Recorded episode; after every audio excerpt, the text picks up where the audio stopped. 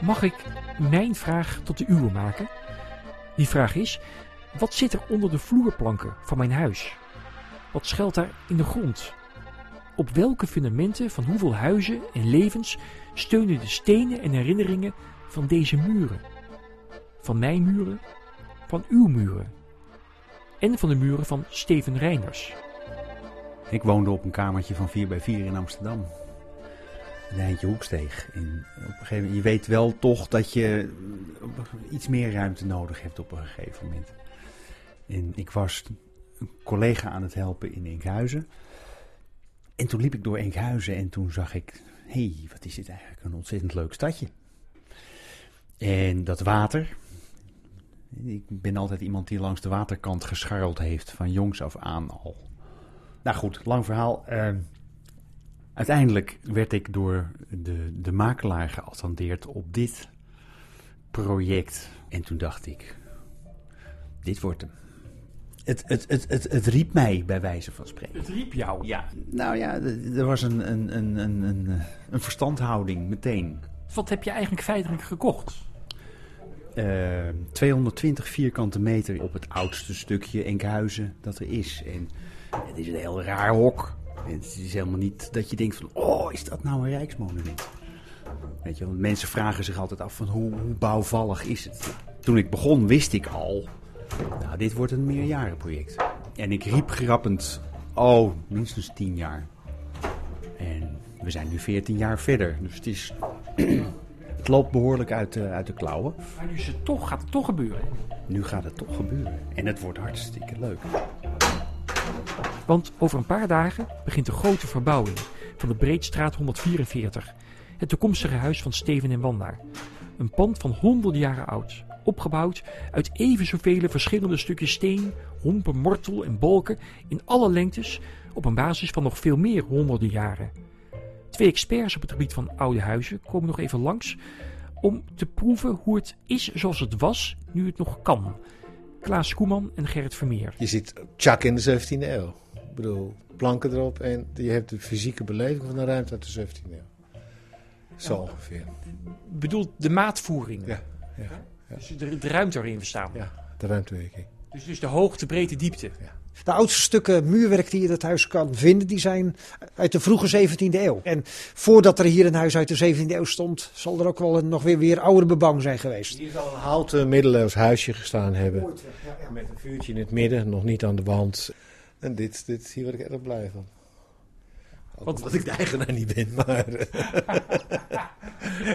blij dat je de eigenaar niet bent? Nee, ja, dat ook. Maar uh, ik kan niet blij om zijn dat een monument uh, aangepakt wordt.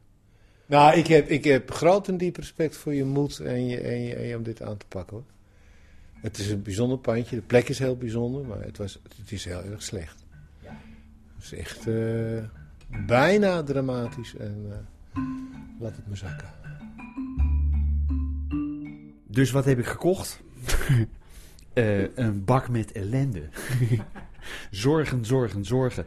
Maar ook heel veel historie. Ja, ja, wat heb je gevoel voor, hè? Nou, er is mij wel eens verteld dat ik een oude ziel heb. Ik voel mij thuis in dit soort oude plaatsen, oude plekken. Ik, ik ben ook opgegroeid in een oud pand in Hoorn. En uh, als de vuilniswagen door de straat heen reed, dan lag je te schudden in je bed. S'morgens vroeg. Want dat stond hè, ook allemaal oude steen, enkelsteensmuurtjes, of halfsteensmuurtjes heet dat dan. En, en uh, dat piepte en het kraakte en, en het leeft.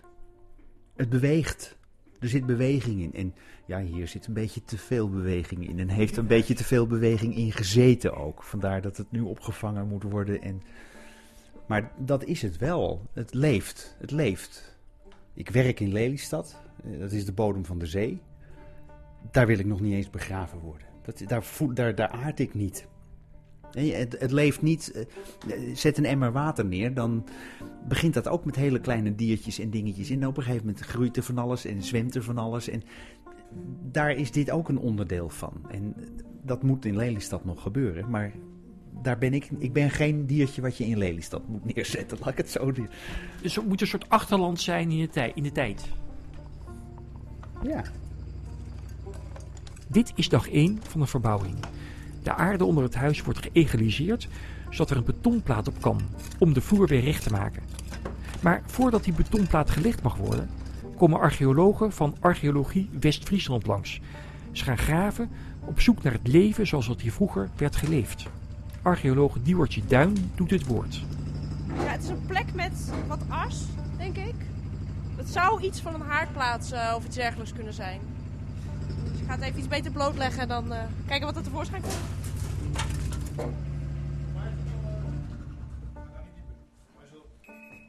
Maar ik denk dat dat een eh, vloer van een huis is uit de 13e eeuw. Ja. en waarschijnlijk zitten er nog een heleboel vloeren ook onder. Want wat ze in die tijd deden is dat er werd gewoon een vloer van laag klei gemaakt. En om de zoveel jaar werd er dan een nieuwe vloer gelegd. Dus je hebt soms echt ja, een meter, pakket van een meter met allemaal vloeren daarin. Met ophogingslaagjes daartussen. Als variant ruim jij de tafel even af, we doen er een nieuwe laag klei overheen. Nieuw vloertje, gewoon een nieuw vloertje. Dat ging zo. Ja, dat is natuurlijk makkelijk schoonhouden, gewoon een nieuwe vloer. Daar ligt hij gewoon. Ach, Je kunt er voor het eerst sinds 800 jaar weer overlopen over die vloer. Ja, ja. Ja, het is eh, zand met as. Verbrand eh, zand ook. Dat gele.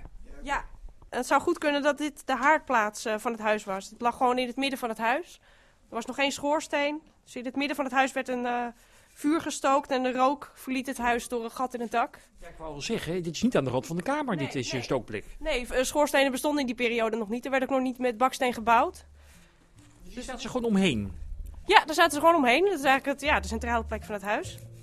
Wie zou het zijn geweest hè, die rond het vuur hebben gezeten? Ja, een hele familie. eh, arme mensen, vissers waarschijnlijk. Het is net alsof de vuurplaats gisteren is achtergelaten. Als markering en uitnodiging voor de volgende gebruiker. Hier kun je stoken. Als een rechtstreeks gebaar van en contact met de mensen die hier 800 jaar geleden bij elkaar hebben gezeten, gegeten en geslapen. Die 13e eeuw lijkt opeens zo dichtbij. Maar in de tussentijd is er nog zoveel meer achtergelaten. Ik heb één keer, eh, toen wij een, een graafmachientje in de tuin hadden, een, een, hebben een, een wilde vondst gedaan. Een, een stenen kanonskogel, die ligt daar op de servieskast. En vorige week eh, is ook de houten vloer er binnen uitgegaan. En ik geloof dat ze binnen vijf minuten eh, een bijzonder schoon tegeltje van, een, van een, een, een- de furie van de zee. Een zeemeermin met een knots met spikes eraan eh, hebben gevonden. En dan denk ik, Ik heb het tegeltje gezien, maar niet, dat is echt een furie. Hè? Dat is niet zomaar een zeemermin. Nee, nee, nee, nee. In 1650.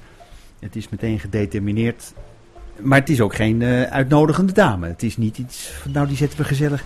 Het geeft wel aan die haat-liefde met de zee en de visserlui. Je moest de zee op, maar je kon er ook verdrinken. Hè? Er zijn er velen die zijn op zee gebleven. Ehm, dit pandje staat dus op de eigenlijke eh, fundamenten van de Westfriese Omringdijk. En die Westfriese Omringdijk is heel beroemd. Hè? Dat is eh, een van de eerste waterwerken waar zelfs ons poldermodel uit voortgekomen is. Hè? Want die lokale boeren die moesten met elkaar bakkeleien om die hele dijk onderhouden te houden. Dus dat gaat ook werkelijk zo ver terug. Dat is fantastisch. Zeg maar, dat vloertje, dat lijkt in, daar, daar lijkt dus een bult in te zitten. Het is niet vlak, dat vloertje. Of hoe zie ik dat? eh? Nee, het is niet helemaal vlak. Ja, ze hadden nog geen waterpastoestel. Dus eh, we zitten hier ook op een dijk. Dus naar achter toe zal het ook iets naar... eh ja, iets hebben afgelopen. Oh, dus je voelde, je zat gewoon binnen, zat je op die dijk ook. Dat merkte je, met, Ja, met, die- links en ja. rechts Ja aflopen. hoor. Nou ja, waarom niet? Er hoefde nog geen eh, televisiemeubel en eh linnenkast in. Dus eh, ja, er was ook niet iets dat echt per se recht hoefde te staan. Dus zeg, ik denk dat er veel op de grond gezeten werd. En misschien op bankjes. Nou ja, nee, ik wil daar niet al te, al te dweperig over doen. Hè, want je kan daar heel filosofisch over worden. We zijn passanten en dat soort gedoe. Nee, helemaal niet. Maar ik vind, ik vind het ontzettend leuk om te zien dat, dat mensen, hoe mensen geleefd hebben en hoe ze geprobeerd hebben om nou ja, de eindjes aan elkaar te knopen hier ook. En datzelfde doen wij natuurlijk ook dagelijks. Alleen, eh, je moet luisteren naar zo'n pand. het vertelt allerlei verhalen. Je ziet de sporen. Daar neem je notie van, dat leg je vast. Dat ben je je bewust. En daarna maak je er jouw plaats van. En het wordt dus ook gewoon een, een, een, een prettig huisje voor, eh, voor Wanda en mijn, mijn vrouw. Volgens mij zijn daar nou verstoring bij. Dat is gek. En nu wordt, eh, nu wordt rechts in het eh, vloertje gestoken om te kijken of er nog een vloertje onder zit. Gaat van ongeveer 20, 30 centimeter diep. hè? We zien dat straks in de bodemopbouw, dus we steken het eh, zo recht af. Net als, ge- net geoloog kun je dus de, de aardlagen kan zien. Ja, jullie alleen ook? geoloog die bekijkt eh, natuurlijke aardlagen eigenlijk en wij bekijken aardlagen die zijn opgebracht door de mens. Ja, ik zie allemaal ja, de, de aardlagen. Spekkoekprofiel. Spekhoekprofiel heet Ja, dat. je ziet de lichte en Ja. donkere lagen die elkaar Ja, afwisselen. Ja, Ja, ja. Dus er is een gat gegraven en dan kun je aan de zijkant zien hoeveel vloertjes er in een huis. dus je kunt het hier eigenlijk zo tellen. Dus 1, 2, 3, 4, 5 eh, vloeren zitten hier bovenop elkaar. Maar veel dieper gaan we niet meer. Want nu komen we op echt een hele bruine ophogingslaag. En dat is in feite de bovenkant van de dijk waar je op zit. Ja, Hier zijn, hier zijn tientallen mensen geboren, gestorven. Ja fascinerend toch? Ja, ja, er gaat straks een betonplaat overheen. Nou, ik weet dat het ook een goed gebruik is eh, onder archeologen om iets uit jouw tijd eh, achter te laten op het niveau waar je, tot waar je geweest bent. Dus eh, net zoals alle bewoners van het huis laten jullie straks ook een spoor achter. Ongetwijfeld. Maar ook bewust. Dus eigenlijk zit je gewoon in een hele lange traditie. Jullie zitten in een hele lange traditie van wonen hier. Ja. En eh, eh, je bent even kapitein van het huis. Ja, Zijn jullie? we bepalen koers en we proberen het schip te behouden.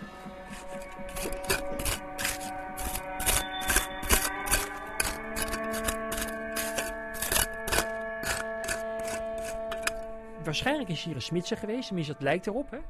Ja, zou wel kunnen, ja. Zou wel We hebben wel materiaal gevonden dat daarop wijst. En, en- Ja, en- ijzerslakken dus, eh, en, ook eh, steenkool. En die hebben mensen om, een, om het vuur heen gezeten met z'n allen. Of misschien was het ook wat deel van die smidsen. Maar ja, was een andere eeuw misschien weer. Het loopt Ja. allemaal door elkaar heen. Ja, ja, het zit hier allemaal op één niveau. Dus eh, al, die mensen, al die mensen lopen door elkaar heen ja, eigenlijk. eigenlijk wel. Ja, wij lopen er nu ook weer op dat niveau. Maar zie je het ook zo voor je dan? Of ben je helemaal bezig met... Nou, we zijn wel echt primair bezig gewoon met vastleggen. En eh, ja, wij, dit is natuurlijk ons werk, dus voor ons is het eh, op een bepaalde manier ook normaal. ja, je, je, je loopt gewoon, je loopt gewoon tussen die mensen door, maar het is heel normaal. Het is ons vak. Ja, ja, inderdaad. Ja. Eigenlijk zijn alle opgravingen of begeleidingen zoals hier, dat zijn eigenlijk puzzelstukjes. En alles bij elkaar vormt dat één groot eh, verhaal eigenlijk, één groot beeld. Wat we dan krijgen van de geschiedenis van Enkhuizen. Goed, in een paar weken is het na mijn bezoek aan de Breedstraat 144 in Enkhuizen. En hier komt een WhatsAppje binnen van Steven en Wanda. Met een foto van een koperen plaatje. Dat ze hebben verstopt in een stalen buis die vastzit onder de nieuwe betonnen vloerplaat van het huis. En op dat plaatje staat Steven en Wanda Reinders, Kater Aap, Poes Mitsi en Poes Siepje. Restauratie 2014. Nou, dat, plaatje dat houdt het wel in de komende 800 jaar. En intussen, intussen blijft de vraag in het geheim. Ook al woont u in het oude centrum van Deventer, in de Phoenix van Leidse Rijn, midden in de polder of zoals ik in Haarlem. Wat zou ons achterland zijn? Op nog geen halve meter afstand, recht onder onze voeten.